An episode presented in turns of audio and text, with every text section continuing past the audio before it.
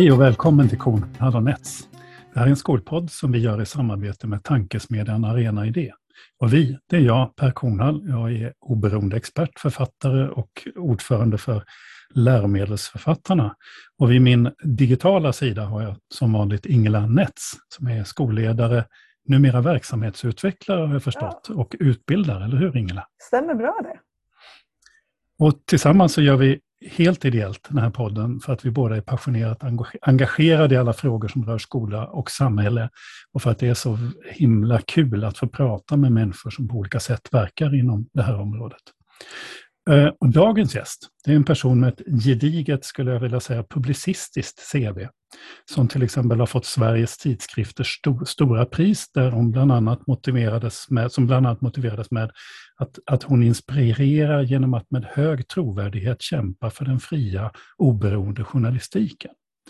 Men sedan 2018 är hon VD för en verksamhet som jag tror alla som arbetar i skolan kommer i kontakt med och de flesta, skulle jag också säga, har nytta av.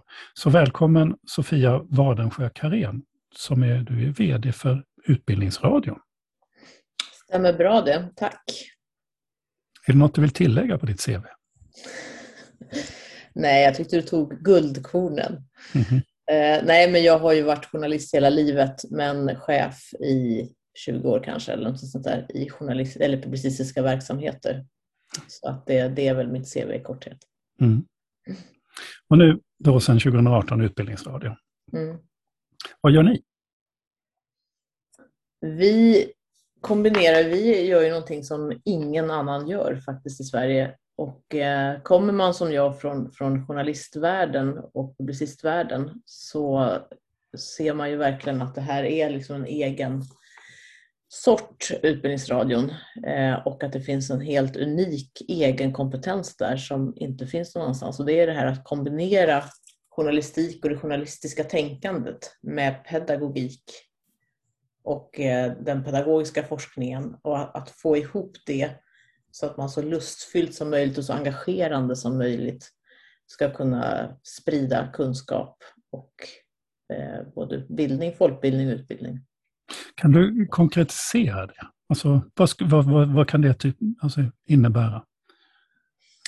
Det beror ju på. Det beror helt på. Men eh, om man konkretiserar så att man börjar prata om program, då blir det väldigt konkret. Mm. Och då kan man till exempel säga eh, ett program som jag tror att många känner igen och det är Livet i bokstavslandet, Livet i mattelandet. Som ju är, Livet i bokstavslandet är, är ju kan man säga en, en modern variant av fler myror, eh, fem myror fler än fyra elefanter, men någonting helt annat än det här gamla programmet. Nämligen ett program där man eh, har djupat väldigt mycket i forskning. Hur knäcker barn läskoden? Eh, vad säger forskningen? Hur kan vi i ett program få in alla de sätt som barn knäcker läskoden på och samtidigt göra det så engagerande så att barnen liksom sveps in i det här och hjälp, att, man, att vi hjälper dem på traven att komma över de här trösklarna. Eh, det blir väldigt så här, konkret med hur man kombinerar det, det pedagogiska, det pedagogiska berättandet liksom står i centrum. Eh, men då, och då gäller det ganska små barn, men om man ser så här, eh, vad betyder det i andra sammanhang? Om man ser till folkbildning till exempel så finns det väldigt många människor i digitalt utanförskap. Eh, framförallt äldre som liksom inte riktigt kommer till sin rätt och inte förstår vad Swish är eller BankID och sådär. Och då har vi, gjort, har vi en satsning som heter Seniorsurfarna som har fått väldigt mycket uppmärksamhet och går väldigt, väldigt, väldigt bra i målgruppen.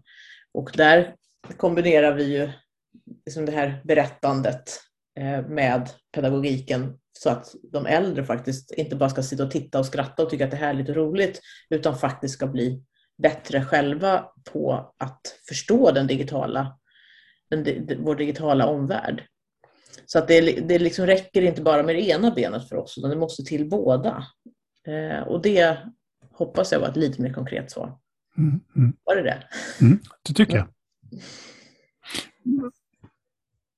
Jag, jag tyckte du skulle säga någonting där. Vi drog efter andan samtidigt båda två. Nej, men jag funderar sådär. Um, ehm, alltså som, som, du säger, vissa som senior, seniorsurfarna känner man ju igen även om jag inte tillhör målgruppen för just det. För att man liksom ser det i vanlig linje-tv på något vis. Sådär. Um, ehm, är, är det liksom en... Det här kanske är en jätteknasig fråga, men är det någon sorts måttstock på så här, hur, hur, hur lyckade era produktioner blir inom UR? Om de liksom får, får någon sorts eh, uppmärksamhet också utanför liksom UR... Eh, vad ska man säga? Sfären där, eller ja, precis. Ja. Det är inte alls en dum fråga, men en väldigt, väldigt bra fråga skulle jag säga. för att det, är precis, nej, det är precis där vi liksom ofta står. Att det beror lite på. När, när vi har ett, ett folkbildande utbud som till exempel hos Seniorsurfarna som går väldigt brett. Det är ganska många som känner att de inte riktigt hänger med i det digitala landskapet. Då eh, är det såklart att det blir ett mått på når vi ut eller når vi inte ut med det programmet. Det blir viktigt att vi når ut med det brett. Eh, men sen har vi otroligt mycket produktioner som är väldigt smala. Mm. Och vår vision är frihet genom kunskap för de många och de få. Och du sätter liksom exakt fingret på det. För att det är ju det här, liksom, vi ska nå ut till alla, det ligger i vårt uppdrag. Vi har en folkbildande uppdrag som är jätteviktigt. Men sen har vi också de här få, alltså vi har väldigt många grupper i samhället som ingen orkar göra någon vettig journalistik för, för att det är inte kommersiellt gångbart och ingen annan har liksom riktigt det uppdraget. Och vi gör till exempel så gör vi väldigt mycket program för särskolan. Mm. Eh, där många andra kanske gör program om särskolan, eh, men inte för. Och där är det ju inte så att vi, för att låna ditt ord där, liksom med att man ska då, om det är ett mått på om vi har lyckats eller inte, när vi gör program för särskolan så förväntar vi oss kanske inte tittare på, med 600 000 tittare. Däremot så kan det ju vara så att vi, och det är det som är så spännande med journalistik, att om man har en jättetydlig målgrupp, då kan det bli, det blir jätterelevant för målgruppen, men sen kan det också bli relevant för många andra för att man förstår vad målgruppen är och det blir liksom spännande, lite titthål och lite så här, eller nyckelhålsjournalistik. Så seniorsurfarna som, som du själv säkert har sett, och så här, där ser man ju, ja men så där är det kanske i den målgruppen och så får man liksom en förståelse för det. Och det ska man ju se på, på andra program som vi gör också, att, att ju tydligare målgrupp desto mer spännande är det att se det. Eh, de här program och så där som däremot är lite odefinierade målgrupper, det är ju de som kanske inte når igenom varken i målgruppen eller brett och då, då lyckas man ju inte riktigt. Så att vi är både det här jättesmala och det jättebreda. Och det ena är rätt ibland och det är rätt andra är rätt ibland. Var inne rörde vi lite grann där, det här, eh, det här med, det, med de få. Nu kommer jag inte ihåg exakt hur visionen var, men, men det, här är ju, det är ju intressant det där med program för de få där det inte är kommersiellt eh, alltså lönsamt att, att rikta sig mot och så. Eh, och, och det är ju, det är ju naturligtvis en sån där generell fråga, liksom, var, var, går, var, går, var går er linje alltså, i förhållande till det kommersiella utbudet? Jag antar att ni har en jättestor diskussion om, om var, var ni ska vara, var ni inte ska vara någonstans. Mm. Vårt uppdrag är att vi ska komplettera och eh, komplettera det som andra gör eh, inom utbildningsområdet. Alltså vi, ska ju, vi ska ju vara ett komplement. Eh, och det är ju det som blir vår skiljelinje kan man säga. Eh, sen är det precis som jag sa inledningsvis att vi har en sån otroligt egen, vi är en sån egen sort. Så att de här skiljelinjerna är ändå ganska tydliga. Eh, och det, om man tänker sig eh, i ett större medielandskap, så man tänker sig helheten, eftersom jag kommer från journalisthållet, då, så kan det ju ibland vara så historiskt, det är inte likadant längre, men för några år sedan så kunde det vara ganska så irriterat från kommersiella medier, kunde vara irriterade på public service, som hade så förspänt och liksom kom in i områden där man kunde se att man hade affärs möjligheter liksom, som man då tyckte blev förstörda. Eh, och där finns det en dialog idag som gör att man, man, den irritationen har lagt sig och det, det, är inte alls den typen av, av känslor mellan public service och kommersiella medier längre. Eh, men där har ju aldrig UR varit störande eller liksom kon konkurrerande för att vi har ett sånt annorlunda, ett annat uppdrag. Så att vi är verkligen vår egen sort. Det är lustigt. Ni är, en helt, ni är en egen sort. Och jag, men jag tror alla vet vilka ni är. Alltså, mm. Alla har vi suttit någon gång och sett URs logga och sånt där. Samtidigt så tycker du att ni är en egen sort. Är det, och, och jag kan tänka mig att det är lite grann som att, att alla vet att ni finns, men ganska få vet egentligen bredden av vad ni gör. Mm. Eller hur? Ja, ni sätter, liksom, bockar av det ena efter det andra här. Exakt så är det. Ja. Mm.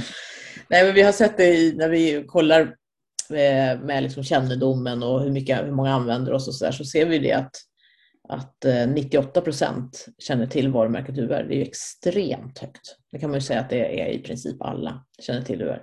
Men sen då nästa steg, men vad är UR? Eh, då har man lite sämre koll.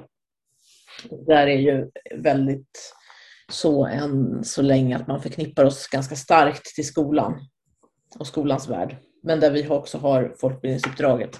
Om man då tar Seniorsurfaren som exempel igen, alltså det riktar sig inte alls till skolan. Eh, däremot så fångar man ju upp det i, i den organiserade folkbildningen. Där fångar man ju upp de här, vi har mycket klipp som kopplas till seniorsurfaren för att verkligen lära sig hur man laddar ner Swish eller hur man får ett mail, skapar ett mejlkonto och sådär. Eh, och det används i den organiserade, folk, eh, organiserade folkbildningen. Men eh, visst är det så att folk har liksom lite vaga begrepp till viss del om vad UR är. Hur ser det ut i, internationell jämförelse? jag har verkligen ingen aning, men, men vi, vi är ofta ganska stolta över vår liksom, svenska public service och, och, att det finns en stark tradition av det här liksom, bildande mm. uppdraget. Så. Finns det liknande saker som UR i andra länder, hur ser det ut? Nej, det finns... Jag har, nu har jag varit på UR i tre och ett halvt år och, och har under de åren sprungit på två lite liknande eh, bolag som jag har hört talas om. Det ena är i Kanada, i Toronto, eh, där jag faktiskt har varit på studiebesök. Min man bodde i Kanada ett år. Och det var lite liknande, också public service-bolag som eh, ägnade sig åt utbildning. Eh, inte folkbildning egentligen, men utbildning hade de som sitt uppdrag. Och sen visade det sig att det finns något, något liknande bolag i Sydkorea, har jag hört, men det vet jag inte riktigt eh, vad det är för någonting. Men annars är, är, det, är vi ett ganska... Liksom, det, det är Sverige som har valt att ha det här unika fokuset på kunskap och bildning. Inte ens, alltså inte våra nordiska grannar, för det nej. tänker man att vi brukar vara så lika i ja, system. Mm. Inte där heller. Och hur lyckas ni då? Är, är svensk befolkning mer bildad tack vare UR? Det där är ju väldigt svårt att mäta, men det är klart att jag vill svara ja på den frågan. Jag tror att vi bidrar till eh, att hjälpa, eh, hjälpa personer som kanske inte alltid har den egna möjligheten. Eh, och vi ser ju det i, det finns ju grupper i samhället som kanske har lite sämre förutsättningar Eh, om man, om man är högutbildad, har väldigt bra socioekonomiska förutsättningar så hittar man. Man kanske ordnar en study buddy till sitt barn eller man går på någon kurs som är dyr själv eller sådär. Men om man inte har de förutsättningarna, då ser vi ju att UR betyder jättemycket. Och det där vi ser väldigt tydligt, vi når ju ut väldigt starkt i grupper av nyanlända som försöker lära sig dels svenska men också faktiskt eh, svenska koder. Alltså hur, hur beter man sig i den svenska kulturen och allt det här. Liksom komma in i den svenska kontexten. Där når vi ut jättestarkt. Vi når ut väldigt starkt till ungdomar som, har, som är studiemotiverade, studieomotiverade och som befinner sig i, i miljöer där de kanske inte får så mycket stöd hemifrån. De eh, når vi ut till. Vi når ut till eh, eh barn och föräldrar där barnen har NPF-diagnoser de har, har vi väldigt stark användning hos också. Så att vi, vi har ju de här grupperna som vi gör väldigt stor skillnad i. Där vi vill alla i samhället att alla ska få samma förutsättningar. Eh, och där vet vi att vi gör skillnad. Så, och då på totalen. Sen kan man ju säga att om man ser att eh, är Sverige ett mer utbildat land än ett annat land, då är det för många andra parametrar som spelar in så att man kan liksom inte dra bort UR-parametern och se exakt. Jag har faktiskt ett exempel på, på när det gäller just eh, MPF, eh, barn, barn med NPF som, som när, jag, när jag var rektor så, så hade vi en elev som fick en diagnos och brottades oerhört mycket med just sin egen liksom, självbild i samband med det. Mm. Eh, och det var väldigt, väldigt stökigt och jätte, jättejobbigt för alla inblandade. Ehm, och så hittade en av de pedagoger som jobbade med den här eleven hittade någon, någon liten programserie med korta avsnitt som förklarade ja, om det nu var ADHD eller autism eller vad det var på ett, på ett bra sätt. Ehm, och den här eleven tittade på det här gång på gång på gång på gång på gång och kunde med hjälp av det och stöd av liksom det, han fick stöd att verbalisera vad det var som pågick i, i hans hjärna och kropp och, och tankar. Så. Um, och det var fantastiskt att se. Mm. där, precis som du säger, där, där kan det göra väldigt, väldigt stor skillnad på, på individnivå. Att få mm. den där hjälpen att sätta ord på. Och för, för pedagogerna att också inte behöva kunna precis allt själva. Kanske. Mm. Nej, det är ett jättefint exempel. Mm. Och det är ju de här, det är det som är ibland de få, att man kan se det stora samhället och man ser de många och man ser de stora grupperna. Men de andra grupperna är, är väldigt viktiga också. Och de grupperna är ju både i samhället och i skolan. De finns ju överallt. Så att, eh, det, är ju all, det är ett misslyckande för oss alla när vi inte får med dem. Mm. Era, ja, Nej, kör på. Jag bara funderar på er koppling och förhållande till då Specialpedagogiska eh, skolmyndigheten, SPSM. För jag tänker att de har också samma motsvarande statliga uppdrag för små grupper. Mm. Jag funderar på om det är mycket samarbete ni har. Mm. Vi samverkar, vi har i vårt uppdrag, man tänker, vi har ju tre public service-bolag i Sverige och det är SVT, SR och UR. Och det är inte alla som känner till det, för många tror att UR är en del av SVT eller en del av så här, men det är tre fristående separata bolag. Och eh, Eh, vi har speciellt i vårt, upp, eh, vårt sändningstillstånd, vi får ju sändningstillstånd med sex års mellanrum ungefär, eh, i vårt sändningstillstånd så står det att vi kan samverka det gör inte SVT och SR, för de har ju en granskande, de, är också, de jobbar ju med nyheter och granskande journalistik. Men vi kan samverka, så att vi samverkar med till exempel SPSM. Men, men sen är det samtidigt jätteviktigt att vi har ju vår, vi är ett redaktionellt, vi är ett mediebolag, så att vi måste hålla på det redaktionella oberoendet. Vi tar ju inga beställningar. Eh, så att SPSM kan ju inte ringa till oss och säga att men nu tycker vi att ni ska göra det här programmet för det skulle passa in i vår satsning här borta. Däremot kan vi prata och se hur de ska göra det ja, men då kanske vi redaktionellt kan välja att göra det här eller sådär. Så vi, vi pratar och eh, samtalar med SPSM och även med andra. Kan en myndighet bli lite, tycker ni är lite jobbiga då, eftersom ni inte vill vara med på deras Nej, det tror jag faktiskt inte. Jag tror att man har väldigt stor respekt och förståelse för att, att om, man, om det inte är redaktionell verksamhet, då blir det något helt annat. Så det, det, tror inte jag. Nu sitter inte jag själv i de mötena, men jag har aldrig hört att det skulle vara någonting sånt. Och de här, de här få grupperna också, det är ju inte bara den typen av grupp som vi har pratat om nu, utan det kan ju till exempel vara nationella minoriteter och eh, teckenspråkstalande. Och, alltså det, det är ju väldigt många olika typer av grupper i samhället. Mm. Språk är ju spännande och språkgrupper mm. tänker jag. För, det, för, för mig är det liksom en stor del av den här snabba bilden av vad UR är och erbjuder och gör så att det finns en sån uppsjö av av eh, undervisning eller stöd för undervisning och lärande kopplat mm. till, till dels svenska för den som inte har det som modersmål men också en mängd andra språk. Mm. Hur, många, alltså, hur många medarbetare har ni på UR? Jobbar alla, är alla anställda? Har ni liksom representation av alla språkgrupper eller tar ni in... Hur, hur jobbar ni? Nej, men vi tar in, vi har ju inte för alla språkgrupper förstås, det går ju inte. Och vi är 225 anställda kanske. Mm. Och sen så tar vi in eh, också visstidsanställda. Ehm, men språk är ju någonting som många associerar UR till. Och där, vi, där det är viktigt att vi finns med väldigt bra utbud och bra material. Och till, kopplat till våra, vårt utbud till skolan så har vi alltid lärarhandledningar också. De används ju väldigt mycket i, till språkprogrammen och sådär. Eh, sen har vi någonting som är jättespännande faktiskt, som inte så många känner till, som heter Språkplay. UR Språkplay. Och där, är, där kan man, titta, man kan titta på vilket program som helst. Vi har ju tusentals program eh, på UR Play. Och man kan ta vilket program som helst och så kan man titta på det via Språkplay. Och säg då att jag har kommit från Frankrike och eh, kan eh, inte så mycket svenska. Då kan jag ställa in vilken nivå jag kan svenska på. Och då, då ligger ju alla våra program textade.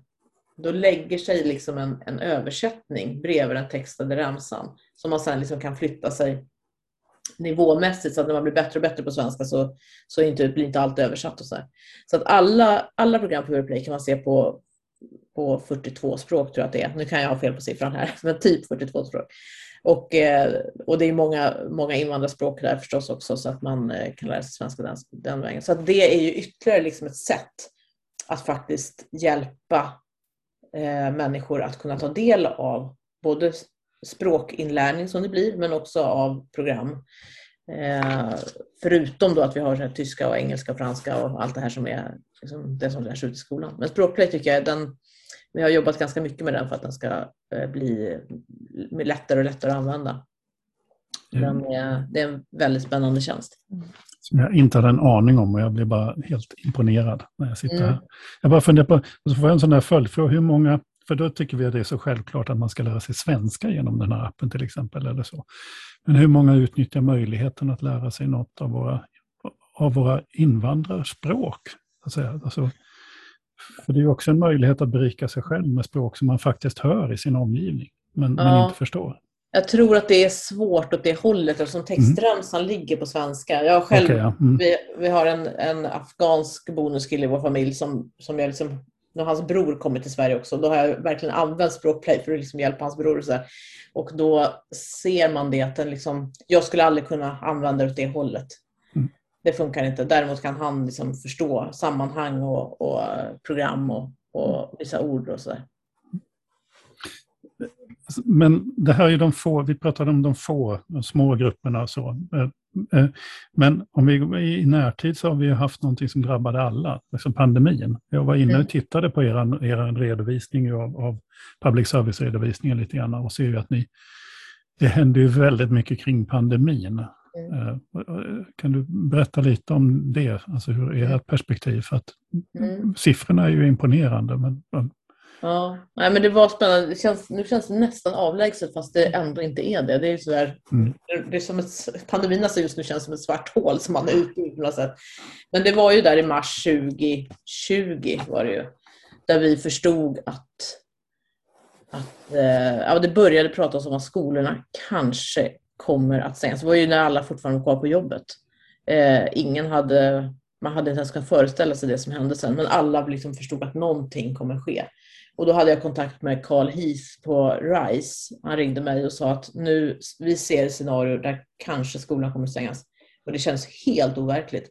Jag kommer ihåg att jag cyklade hem den kvällen och eh, tänkte bara att nu måste UR ställa om helt. För att det här kan liksom inte ske i samhället. Eh, en sån kris som det här är och vi ska finnas där och komplettera, och förstärka och bredda liksom för utbildningsaktörer eller det som andra gör inom utbildningsområdet och finnas där för skolan och för lärarna. Och det här är ju en oerhört svår situation och vi måste bara lägga allt fokus på det. Och vi ställde om hela, liksom bara verkligen flyttade så tanken och ställde om mot att eh, hjälpa lärare, elever och även föräldrar i hur ska vi kunna undervisa nu när det är på distans. Eh, och gjorde program om det. Vi eh, stöttade med hur man hur eleverna, hur man, hur man pluggar på distans och sådär. La om hela vår sajt så att man hittade lättare om man inte var van vid att, för många är ju lärare som är inne och tittar efter just specifika program som gäller skolan. Men så även föräldrar och barn kunde hitta på ett annat sätt och sådär. Så att vi fick en enorm trafikökning där eh, och har fått otroligt mycket feedback från skolan att vi fanns där. Liksom. Det fanns en ledstång, det fanns en hand att ta i när man faktiskt inte fattade och inte visste. Och så här. Sen blev ju både lärare, elever och föräldrar blev ju duktiga på det där allt eftersom och så där. Eh, så att, eh, eh, men då, då såg vi ett fokus där, eller ett nytt så där, att, att många nu stängde man ju bara, högst, eller bara gymnasiet, men det var ju väldigt många som var hemma bara när de var snoriga och sådär. Och då såg vi också att många satt ju hemma och jobbade. Det, fanns, det finns ju stora grupper i samhället som måste vara på plats, det vet vi ju. Men vissa grupper i samhället kan ju jobba hemifrån. Och så hade de barn som var snoriga och som de var tvungna att ta hand om och sådär. Och då så gjorde vi också speciella, eh, speciella program där vi satte ihop olika, alltså till exempel förskoletimmen för Johannes var till exempel ett program. Då satte vi ihop, så vi sa till föräldrarna, här mellan 10 och 11 så kommer, om ditt barn tittar på det här så kommer det också få lärande. Det kommer vara pedagogiskt, det kommer vara kopplat till läroplanen. Så även om ditt barn är hemma från skolan och det är svårt för en lärare att distansundervisa en åttaåring eller en sjuåring eller en sexåring så här finns någonting där du vet att den tittar på någonting vettigt som kommer göra att den kommer lättare hänga med när den kommer tillbaka till skolan. Så vi gjorde det också så att det fanns, och det gick både broadcast i SVT och eh, fanns online och det blev ett väldigt fint tittande på det också. Så att vi gjorde massa, nu nämner jag bara några exempel, men vi gjorde väldigt mycket olika och fick ju, såg att det, vi, under året så fick vi 56 procent mer titt, eh, tittning på våra program. Så att det var ju en, det var många som förstod att vi fanns där. Och det var ju för mig jätteviktigt, för händer någonting som pandemin och vi inte lyckas vara relevanta då, då är det ju svårt läge kan man säga. Kan... Sen stängdes ju många högstadieskolor hösten mm. 2020 också. Ja. Mm. Faktiskt en majoritet. Men Eh, ta din fråga först Ingela. Ja, men jag funderar på, man nu, i de, de hittills de utvärderingar och, och, och sammanställningar som har gjorts av, av hur, hur svensk skola klarade pandemin så så är det ju ganska mycket som, som, många signaler som kommer att jo men det har gått bra. Liksom. De har hållit igång sitt lärande och de flesta har klarat det bra och betygen håller sig uppe. Det, det är en diskussion i sig som vi kanske inte behöver ta här för det finns ju en aspekt av eventuella glädjebetyg där som vi kanske inte så ska fördjupa oss i nu. Men det jag funderar på är, är UR och den den faktiskt liksom nationella likvärdighet som UR då kan skapa. För det, det, krävs inte att man på en skola har någon som har köpt in en massa liksom program och appar och stöd och digitala verktyg. Så, utan det räcker egentligen med liksom en tv-apparat och, och, så. En, en, en, vad heter det, en fjärrkontroll. Så. Mm. Ehm, men är, är det liksom, kan det ändå vara en viktig bidragande orsak till att att det kanske ändå gick ganska bra för svenska elever trots helt andra förutsättningar för sitt lärande. Ja, alltså det får man ju, man, vi kan ju bara hoppas det ja. förstås. Mm. Eh, för att alla har ju möjlighet och de flesta, allra flesta har ju någon typ av uppkoppling ändå. Mm. Eh, i, framförallt om det är lite äldre barn. Mm. Att de ändå kan ta del av någonting som också, det här kommer vi tillbaka till det vi pratade om tidigare, att det vi producerar ska ju vara engagerande. Och det behöver det ju vara om du sitter hemma själv. Eh, så behöver det ju vara någonting, för det, alla vi som har barn har väl sett de här liksom klass eller lektionerna som är på distans. Det, det, blir ju liksom, det kräver ganska mycket koncentration och eh, att du själv håller i din struktur för att du ändå ska orka hänga med i de här. Sen gick det ju bra, men, men att kunna komma in emellan med, med någonting som är engagerande eh, redaktionellt utbud. Det tror jag är välgörande för alla parter. Det här, det här är egentligen skitintressant för man kan ju prata om att någonstans så, så har ju ni då gjort varit en del av, av, av en krisberedskap. Det vill säga att det fanns en sektor i samhället som, som i den här extrema situationen kunde ställa om på ett annat sätt än vad, vad de flesta kan göra i och med att ni har det uppdrag ni har. Mm. Precis, och det där är så himla intressant det du säger nu för att det är ju precis så som det var. Men om man hade pratat, om vi hade suttit och haft den här podden för tre år sedan och så hade man sagt att ja, men det är viktigt att det liksom finns en krisberedskap för skolan. Då hade ju ingen riktigt... Ödda, ja, hade man sagt. Mm. Ja, visst. Det låter... Ja, alltså, det hade inte... Men nu fick vi syn på, och det behövde vi kanske få, vara tvungna att göra rent praktiskt, att det behövs en krisberedskap för skolan. För att samhället funkar inte om inte skolan funkar. Eh, så att det där är jättespännande och det såg vi ju jättetydligt. Vi hade vi inte själva helt ärligt så hade inte vi innan tänkt heller hur viktigt det var att vi skulle finnas för skolan i kris på det sättet. Det blev väldigt tydliggjort. Så att den, och den tror jag hela samhället fattade. Liksom, alla har ju fått upp ögonen för det. Vad händer när skolan inte funkar? Mm. Och hur kan vi säkerställa så att den verkligen gör det framåt? Hur mycket, hur mycket har ni lärt er? För det, det är också en, en, aspekt av det att man pratar mycket om hur, hur att, att liksom digitaliseringen tog ett stort skutt på något vis sådär, för, för stora grupper i samhället på gott och ont. Um, jag tänker ju inte att ni inte befann er i någon sorts nytt medielandskap innan pandemin, men, men vad, vad, är liksom, vad är URs viktigaste lärdomar av, av den här snabba liksom, eh, laguppställningen på något vis som, som ni fick göra i när pandemin slog till? Nej, men rent liksom om man ser till vad vi ser i skolan, om man inte tänker till hur vi som företag förändrade oss, så, så kanske vi ser att, att vi har ju, som vi pratade om tidigare, med lärarhandledningar och sådär, det har ju vi alltid jobbat med, men det har, gör vi ett jättestort jobb nu med att digitalisera dem, så att de går att använda och blir mer interaktiva. Eh, och det hade vi gärna haft under pandemin. Mm. Eh, för det hade liksom ytterligare ökat, eh, ökat kvaliteten på, på lektionerna och, och, och sådär. Så det är en sak som vi tar med oss. Vi var redan på det innan men, men det, nu känner vi att det är superfokus på det.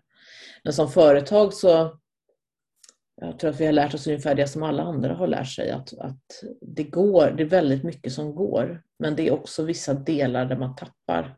Och man, man får liksom se till så att man tillför, och det är ju kreativ, kreativitet och komplexitet tycker jag. Det är det som man tappar när det är digitalt. Mm. Eh, och det är de två bitarna. Resten går ganska bra faktiskt. Jag, jag tänkte på den här diskussionen om, om, ska vi komma tillbaka till lite grann det här om, om, om vilka lärare och sånt som utnyttjar era resurser. Men en sån här stor fråga är ju den här nationella krisberedskapen.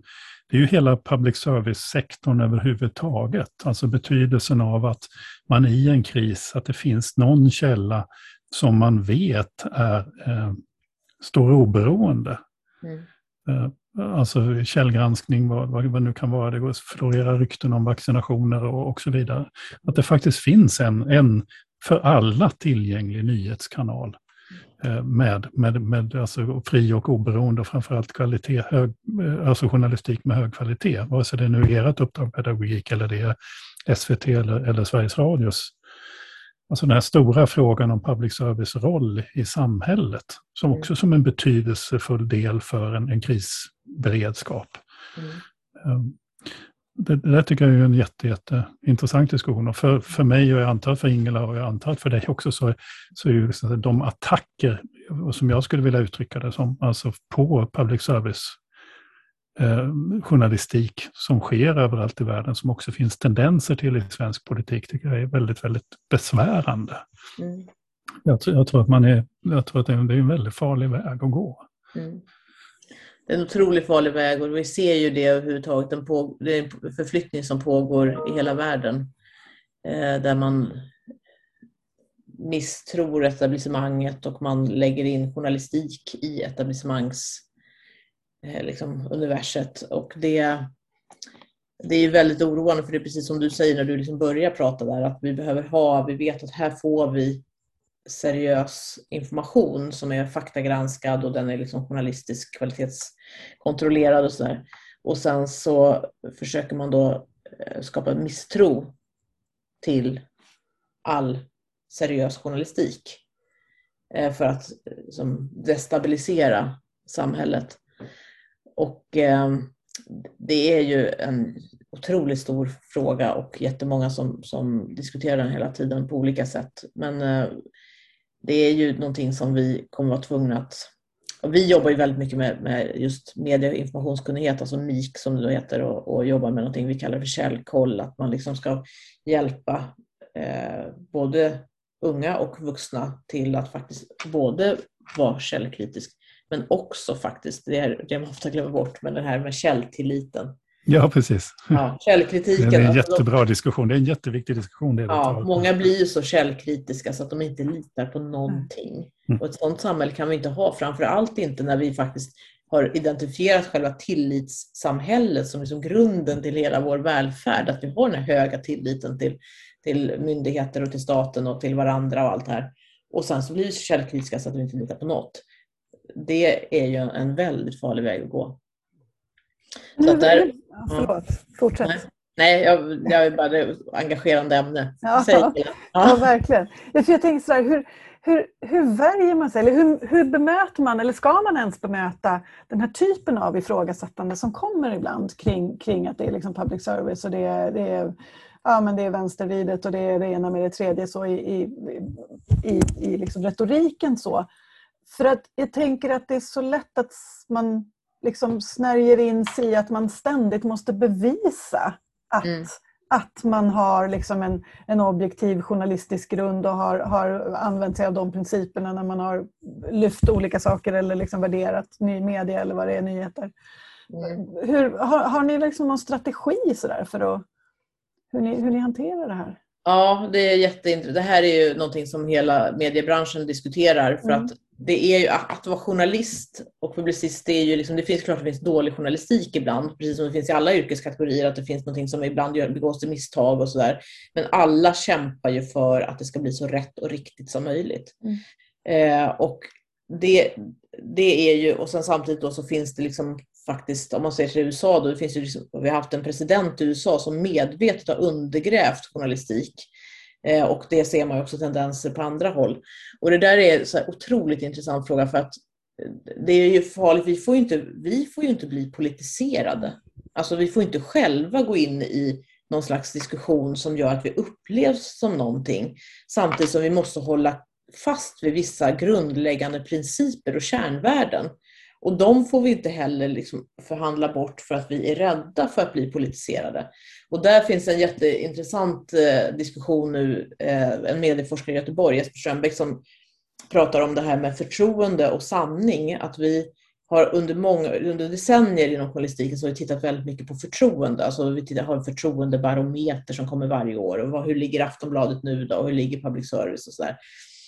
Då tittar vi väldigt mycket på förtroendet och vi har ju väldigt högt förtroende fortfarande. Det blir också så här ett säg att, att alla tycker att ja, nu tappar ju public service förtroende. Nej, inte enligt siffrorna. Vi tappar eh, lite grann i en, i ett, en parti, alltså Sverigedemokraternas eh, väljargrupp, där tappar vi lite grann.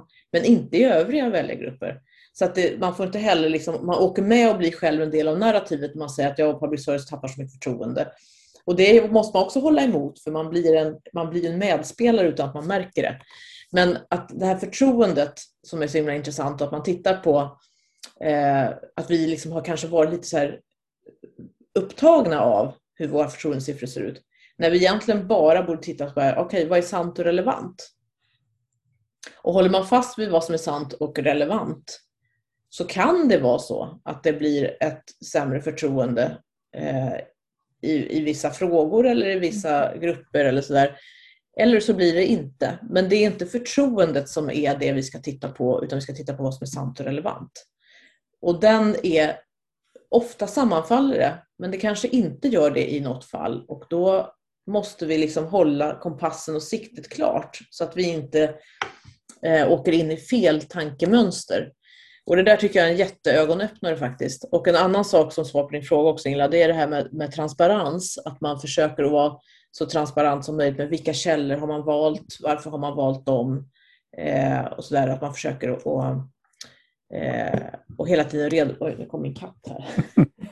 Eh, hon gör det. I videopodden så passerar du just nu en liten söt ja. vit katt ja, i bild. Nej, hon, katt, en katt på internet. Ja, hon lägger sig snart här. Hon är så gammal så jag vill liksom aldrig putta bort henne. Mm. Eh, nej, men att man, eh, att man försöker vara så bra som möjligt på att redovisa varför och hur man har tänkt och sådär. Så att man, eh, eh, så att man, man, är transparent så långt man kan. Eh, det är ju också ett sätt att, då, för du frågar på hur, hur gör ni? Mm. Ja, vi ska vara så transparenta som möjligt mm. men ändå ha integritet, inte politiseras och hålla oss i sanning och relevans. Det är väl det korta svaret. Jag tänker att det finns en likhet med, med skolan där. Eh, där man ofta mäter någon sorts nöjd kundindex som, som en liksom, faktor för att, för att bedöma om en skola är framgångsrik eller inte. Mm. och det, det, det, går att dra paralleller tänker jag, för det är väl inte självklart att man alltid är nöjd um, utifrån att man ibland då kanske behöver lära sig om saker som, som går emot en, ens övertygelse eller som, som stör ens liksom, världsbild på något vis. Så. Mm. Det finns ju forskning från USA om, om användning av, av eh, kursutvärderingar på amerikanska universitet mm. som visar att ju mer man använder dem desto lägre resultat, alltså desto lägre, mindre kunskaper har studenterna. Ju mer man använder... Ja, eh, kursutvärderingsinstrument Aha. i planering av kurser, det vill säga att man tar då hänsyn till studenternas åsikter och ibland så är studenternas åsikter inte produktiva för deras kunskapsinhämtning. Mm. Det vill säga man vill, man vill hellre till exempel ha en tenta som man inte behöver jobba så mycket för. Då lär man sig heller inte ja. lika mycket. Om man vill bli bekräftad i det man redan tycker att man vet. Mm. Det är ju mm. mycket bekvämare än att behöva förändra sitt tänkande.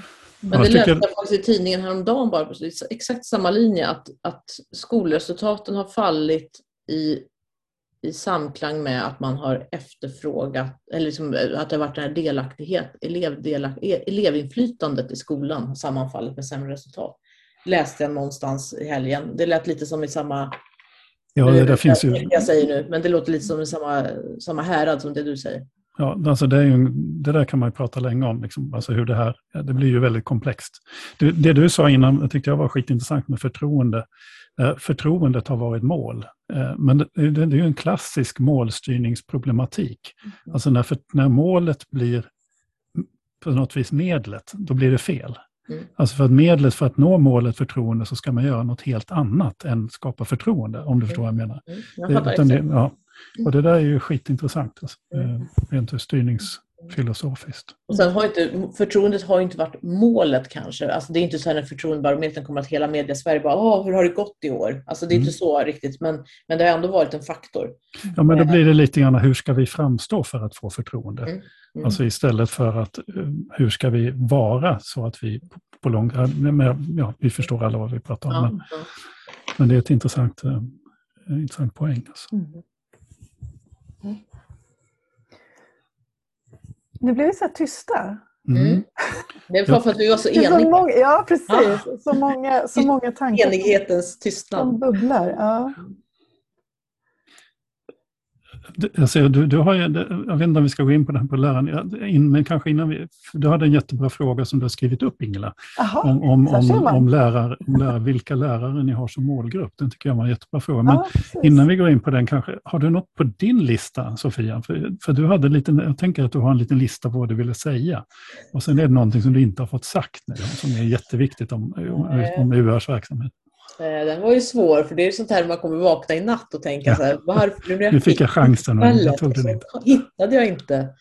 Eh, nej, men jag tycker bara att det vi pratade om inledningsvis, just det här med att, att det finns ett företag som fokuserar på kunskap och bildning eh, på det sätt som vi gör. Eh, där allt vårt fokus och alla som jobbar på UR lägger liksom 140 procent eller 200 procent, men liksom lägger verkligen sitt totala fokus på, på kunskap och bildning. Det är någonting som eh, jag tror gör skillnad för Sverige. Varför gör man det då? Varför 200 procent? De har bara betalt för 100 procent. Varför, varför, varför, ja, det, var stora, för, ja, varför det här stora engagemanget?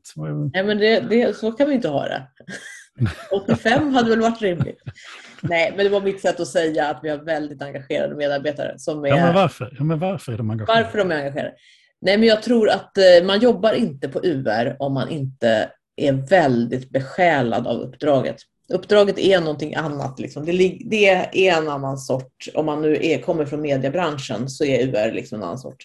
Eh, du kommer inte göra de stora granskningarna eller så här, utan du har en annan typ av patos och ett annat typ av kall nästan. Eh, och det, det gör nog att du får liksom en väldigt stark känsla av meningsfullhet och att du uträttar och, och gör skillnad. Och då blir man väldigt engagerad. Eh, man söker sig till den här miljön aktivt. Mm. Jag är nyfiken på, för, för visst är det så också att det är en del, en del som inte har mediebakgrund utan som snarare har skol och lärarbakgrund som också kommer till UR eller hamnar hos er och, och gör antingen mer liksom enstaka uppdrag eller, eller mer sådär beständigt. Och, och det, åtminstone i de sammanhang jag befinner mig så är ju det förknippat med ganska hög cred. Att få jobba med eller för UR? Söker ni liksom, hur, hur, hur hittar ni de här personerna? Söker ni dem aktivt i, liksom i, i, i skolsverige? Jag tänker att med, med alla sociala, sociala medier så måste det vara lättare att också hitta personer som, som har lite både och på något vis. Då, då. Mm. Ja, men vi söker aktivt. Vi har ju pedagogiska redaktörer som jobbar väldigt mycket med programmen både innan och under och efter programmen. Mm. Eh, och gör väldigt mycket eh, behovsanalyser och sådär. Och de söker vi ju över, när vi behöver anställa så söker vi. Men sen har vi också väldigt mycket olika personer som är kontaktpersoner i skolan eh, som eh, på olika sätt hjälper oss i, i våra behovsanalyser. Eh, och som är jättevärdefullt förstås. Mm. Jag tycker på senare tid, eh, och det kanske beror på att jag visste att vi skulle pratar med dig. Att man, då ser man ju saker som man kanske annars skulle liksom låta passera bara sådär i, i, i flöden och så. Um, lite så här, lite kritik mot att en del av de program som riktas till lärare är lite för det är lite för lättsmält om jag ska använda det uttrycket. Att det blir lite för mycket liksom så här lektionstips och lite för lite på djupet. Vilka, vilka lärare är det som ni vill, vill nå? Och det fattar jag att det finns en massa olika varianter där. Men, men går det att prata på något vis generellt kring det? Nej, men vi har en satsning, jag tror att du syftar på en satsning som, är den, som går i sociala medier. Det är inte program, utan det går i sociala medier eh, och i klipp i sociala medier. Så det är inte våra program, program mot lärare, utan det är de här eh, lite lätt smälta mm. klippen i sociala medier. Och de riktar sig ju väldigt mycket till nya lärare. Mm. Men eh, eh, jag, jag, förstår vad du menar eh, med det. Och eh, eh, där, där är ju ett sätt att liksom stötta de lärare som kommer ut tidigt i sin, i sin gärning. Mm.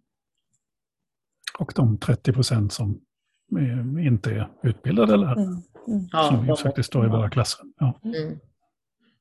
Och det finns väl en, jag, jag tänker att jag, jag, jag vill inte göra någon värdering för jag tänker att det finns också en, en um, ibland glömmer vi att man också behöver formulera det som, som kan tyckas vara väldigt självklart. Mm. Uh, och sätta ord på det för att det ska liksom landa hos fler. Ja, nej men precis. Och det kan ju ibland vara så att man kan behöva, man är ju i olika faser, alla människor, vi är ju alla, det som vi läser en dag eller tittar på en dag eh, orkar vi inte med en annan och tvärtom. Alltså vi, vi har ju alla behov i olika tillfällen att få olika typer av liksom, komplexitet och mm. avancerad information eller lite lättsmält ibland och, så här, och vi försöker ha spektrat där. Mm. Eh, så att det finns för alla tidpunkter och alla sorter. Liksom. Mm.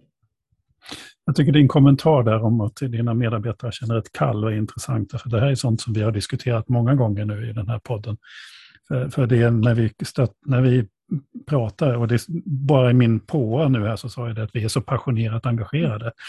Ehm, alltså när man möter folk i skolans värld så är det ju påtagligt vilket enormt eh, engagemang och vilken patos som de här uppdragen väcker hos människor, vilka drivkrafter man, man släpper lös och sånt. Mm. Eh, och det är väldigt roligt att höra att, att, att, att du ser det som vd också bland dina medarbetare på Utbildningsradion, mm. utan tvekan.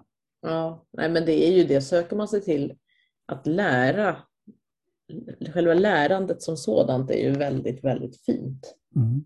Eh, och att hjälpa människor till en högre nivå i sitt eget liv. Liksom. Ja, frågan är varför egentligen det är så oerhört lustfyllt. Vad är det? Mm. Vad är det för mekanismer som gör att det är så? Men det är väl det att se, att se människor växa. Oavsett på vilket sätt de växer, men att se människor förflytta sig.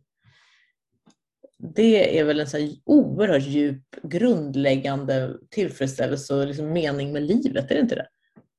Ja, ja. Ja, vi nickar medhåll. Alla kanske inte gör det. Det, är, ja, det där är jätteintressant. Ja. Och någonting man skulle kunna gräva djupt i tror jag. Ja, jag har en kompis, eh, Henrik Brändén, har precis skrivit en väldigt bra, för att göra lite reklam för honom. Mm. Uh, han har skrivit en väldigt bra bok om, populär, om hur man skriver populärvetenskap. Jag vet också att han har en del funderingar kring dopaminsystemet i hjärnan, alltså mm. att det faktiskt är ett lustpåslag att, att mm. vara snäll och, eller att hjälpa andra och, mm. och så, att det faktiskt eh, att, att faktiskt våra hjärnor eh, ser till, alltså vi, vi får en lustupplevelse av det. Vi, vi är primade för det. Jag tycker det är en spännande tanke. Mm. Ja, men vi ska inte fördjupa oss i det. Det, ska, det, får vi ta ett annat program. Vi hade en gäst alldeles nyligen som uttryckte det som att det där, precis det här att, att få, få hjälpa någon att utvecklas lite ytterligare, det är beroendeframkallande, det är som knark. Mm. Och det, ja. det stämmer överens med dopamintesen. Ja, men precis. Ja, exakt. exakt. Mm. Vad ja. ligger i, eh, i URs um, pipeline framöver nu då? Ja, nu eh, ligger, nu vet jag inte riktigt vad jag kan berätta och inte. Jag är lite osäker. Jo, en sak kan jag berätta. Vi har varit väldigt, eh, haft väldigt fokus på, vi har sett att bland gymnasielärare så har de inte tyckt att UR har riktigt levererat på den nivå de har velat. Eh, vilket vi har varit överens med dem om. Och vi har satsat nu sedan ett drygt år tillbaka på eh, tydliga, de heter förklarad, svenska förklarad, historia förklarad, alltså tydliga format som tar upp till exempel eh, franska revolutionen eller romantiken eller så där, som har blivit otroligt populärt. Eh, där man väldigt kunskapstätt, inte någonting som är ovidkommande utan bara sådär. Eh, och nu ser vi att vi behöver göra, och då gjorde vi ett väldigt gediget jobb där med både liksom, att kolla verkligen med gymnasiet, vad, vad, vad är det för behov som finns och vad är det som inte eh, UR riktigt uppfyller. Och nu jobbar vi eh, på samma sätt mot högstadiet. Vi ser att vi inte riktigt alltid har hundra tonträff där heller. Vi, I låg, förskola, låg och mellanstadiet är vi otroligt starka. Och sen har högstadiet och gymnasiet har varit lite eh, förbättringspotential. Så att nu eh, har vi fullt fokus på högstadiet. Det är en av många saker vi gör. Sen för, jobbar vi väldigt mycket med det här som vi har berört lite grann med källkoll och eh, hjälpa människor till att kunna manövrera runt i det här enorma informationsflödet som är tillgängligt. Mm. Så att man kan klara, klara sig i samhället. Mm. Ja, för det är ju inte längre som det var när jag, när jag var... Jag kommer ihåg när jag kom hem från skolan, då var det ofta Utbildningsradion. Då satt Dennis Gotobed, hette han, och läste glosor där. Och det var ju liksom den enda mediekanalen. Men nu befinner ni ju, eller vi, oss i ett, ett fullständigt annorlunda landskap med en oräknelig antal avsändare som är tillgängliga för oss dygnet runt. Eh, alla dag, veckans dagar. Mm. Vilket inte gör ert uppdrag lättare, kan, det kan jag inte tänka mig att det gör. Nej, verkligen inte. Eh, och sen har vi jättemycket satsning också på Agenda 2030, kan jag också nämna, så att vi försöker att eh, hjälpa eh, till, till handlingskompetens, alltså att inte bli uppgiven utan att försöka få se något, hur man kan göra istället. Mm. mm. Mm. Och så har vi valsatsningar. På du får förklara. Ja, just det, valsatsningar. Vi har inte ens nämnt valet. Det är ju jätteintressant. Ja. Och där är lite samma sak som med Agenda 2030. Det handlar, man ser att liksom det, största, det största hotet mot demokratin är uppgivenheten. Eh, och det gäller att prata om demokrati och, och göra valsatsningar som inte spär på uppgivenheten utan man förstår hur en demokrati fungerar. Och då är det inte bara att man tänker riksdagsval utan det är att man faktiskt kan lägga en motion i sin kommun och få en, en eh, liksom större skolgård. Eller alltså man, man kan påverka demokratin mm. eh, väldigt mycket större utsträckning än vad gemene man tänker på. Så att där har vi också jättespännande satsningar. Mm. Mm. Vi kan, kan vi inte pitcha en liten idé här inför, skolval, eller inför, inför valet? Där, där jag tycker att det är så många som signalerar i, i, i skolans sammanhang för att, att så som SVT Agenda gjorde här för ett tag sedan när man tog in experter i studion som också fick, fick liksom introducera tematiska områden när det gällde miljö och hållbarhet. Och sen fick politikerna säga det de ville säga och så fick de, blev de lite recenserade. Samma upplägg vill vi ha med skolan. Det vore väl något för UR? Spännande. Ja. Mm. Det är en spännande väldigt, tanke. Väldigt uh, intressant, för det hände någonting med det politiska samtalet när man förstod att det fanns folk i rummet som, som mm. visste vad de pratade om och som mm. kunde slå dem på fingrarna om de hittade på allt för mycket saker för att, att det skulle låta bra. Liksom. Mm. Nej, intressant. Nej, men det är alltid det där med, med man höjer, höjer nivån på mm. samtalet, vad som mm. händer då. Den är alltid spännande. Ja. Mm. Sen måste jag rätta mig. Jag sa motion, jag menar medborgarförslagen. Kommer bara rätta mig. Ja, fortsätt. Ja, nej, Ingela hade inte frågat om det, hade sagt att hon skulle ge det här förslaget, men jag ställer mig bakom det. det Ni lägger in en liten pitch här i Ja, exakt. exakt. Ja. Ja. ja, det var bra förslag. Ja, ja men ska ja, vi sätta Vi behöver runda av. Ja. Tusen tack för, för att vi fick prata med dig. Det var ja, tack. inspirerande att få höra mer om, om er verksamhet. Ja, det var jätteroligt att prata med er. Så stort tack för detta och tack för att min katt fick vara med där lite. Ja. ja, men vi måste rekommendera att man faktiskt tittar på den här videoversionen av podden den här gången. För det är en väldigt trevlig katt som rör sig fram och tillbaka i bild ser det ut som. Ja. ja. Och, det finns, och det finns ju inte tillräckligt många katter på internet så att vi, tycker, vi, vi har gjort en insats här. Så. Men jag, och jag tycker att, jag tycker att, att, att det känns så viktigt ändå att poängtera på något vis att, att alltså UR är någon sorts världsunik eh, liksom, samhällsfunktion som, som vi kanske inte riktigt förstår hur, hur, hur unik den är. Och vilket enormt arbete som ligger bakom en del av det där som vi tar för givet. Tänk om vi inte alls, om, om ni inte fanns, mm. om UR inte alls fanns, så kan man fundera på hur det skulle, vad det skulle innebära för, för alla som jobbar i skolan. Jag mm. tänker att det, mm. det är lite viktigt. Men, nej, men det är jättefint och det här kvalitetssäkrade oberoende ja. eh, programmen som mm. vi ändå har där man vet att man kan, som lärare kan känna sig trygg att här finns någon som har tänkt pedagogiskt. Mm. Det, det är det som är helt unikt. Mm. Ja, det får vi inte slarva bort genom ogenomtänkta politiska beslut. Helt enkelt. Nej, det vore tråkigt. Men mm. stort tack för det fina eh, avslutet Ingela. Men då lämnar jag nu. Yes. Gör så. Tusen tack. Ha det så Hej då. Hej då. Stort tack. Hej då. Ja. Ja, ohejdad reklam för UR, men jag känner att det, det är liksom, jag hade inte riktigt förstått eh, vidden av vad de faktiskt gör och att det var så unikt. Mm. Nej, men det är imponerande. Nu hade jag inför det här programmet suttit och läst lite mm. I deras redovisningar och sånt. det är mm. en, en, imponerande bredd och ett imponerande djup och en imponerande mångfald och, och en, en, liksom en betydelse för människor, just som hon beskriver, de här mindre grupperna som mm. annars inte får, inte har någon som, som liksom talar till dem. Alltså, eh, därför att det är inte, det är inte kommersiellt. Det, det finns inget intresse för andra att göra det, men vi har ett stort samhälleligt intresse av att alla kan delta. Men är inte det, är inte det otroligt fint? Yes, alltså, super, jag tänker att det, det, verkligen är någon sorts... Eh, jag, jag, jag, känner att jag blir lite så här återupprättad i min tro på liksom, att, att det finns en, någon sorts gemensam politisk vilja att samhället ska vara en plats där alla har en plats. Mm. Och, så, och då, då, manifesteras det liksom, på ett sånt mm. här sätt. Mm. Men då är det ju viktigt också att man, eh, det finns ju då idéer från olika håll om mm. att, om att, om att liksom lägga in URs verksamhet i de andra, och det finns attacker mot public service och sånt som vi mm. måste vara, som, är, som, som jag tror är väldigt, jag tror att det var väldigt viktigt eller riktigt som, som Sofia sa, att det är egentligen väldigt få människor som, om man skulle fråga dem, tycker du, tycker du att det vore en bra idé att lägga ner de här mm. verksamheterna? Mm. Så, är, så är det, det stora, stora svaret i Sverige är ju nej. Mm. Eh, därför att vi, vi, vi, får, vi har, det ger oss någonting, det ger samhället ett, ett mervärde, det finns en kunskap som blir tillgänglig för, för fler människor, det gör demokratin lite bättre. Mm. Eh, och det är ändå det vi vill ha i samhället.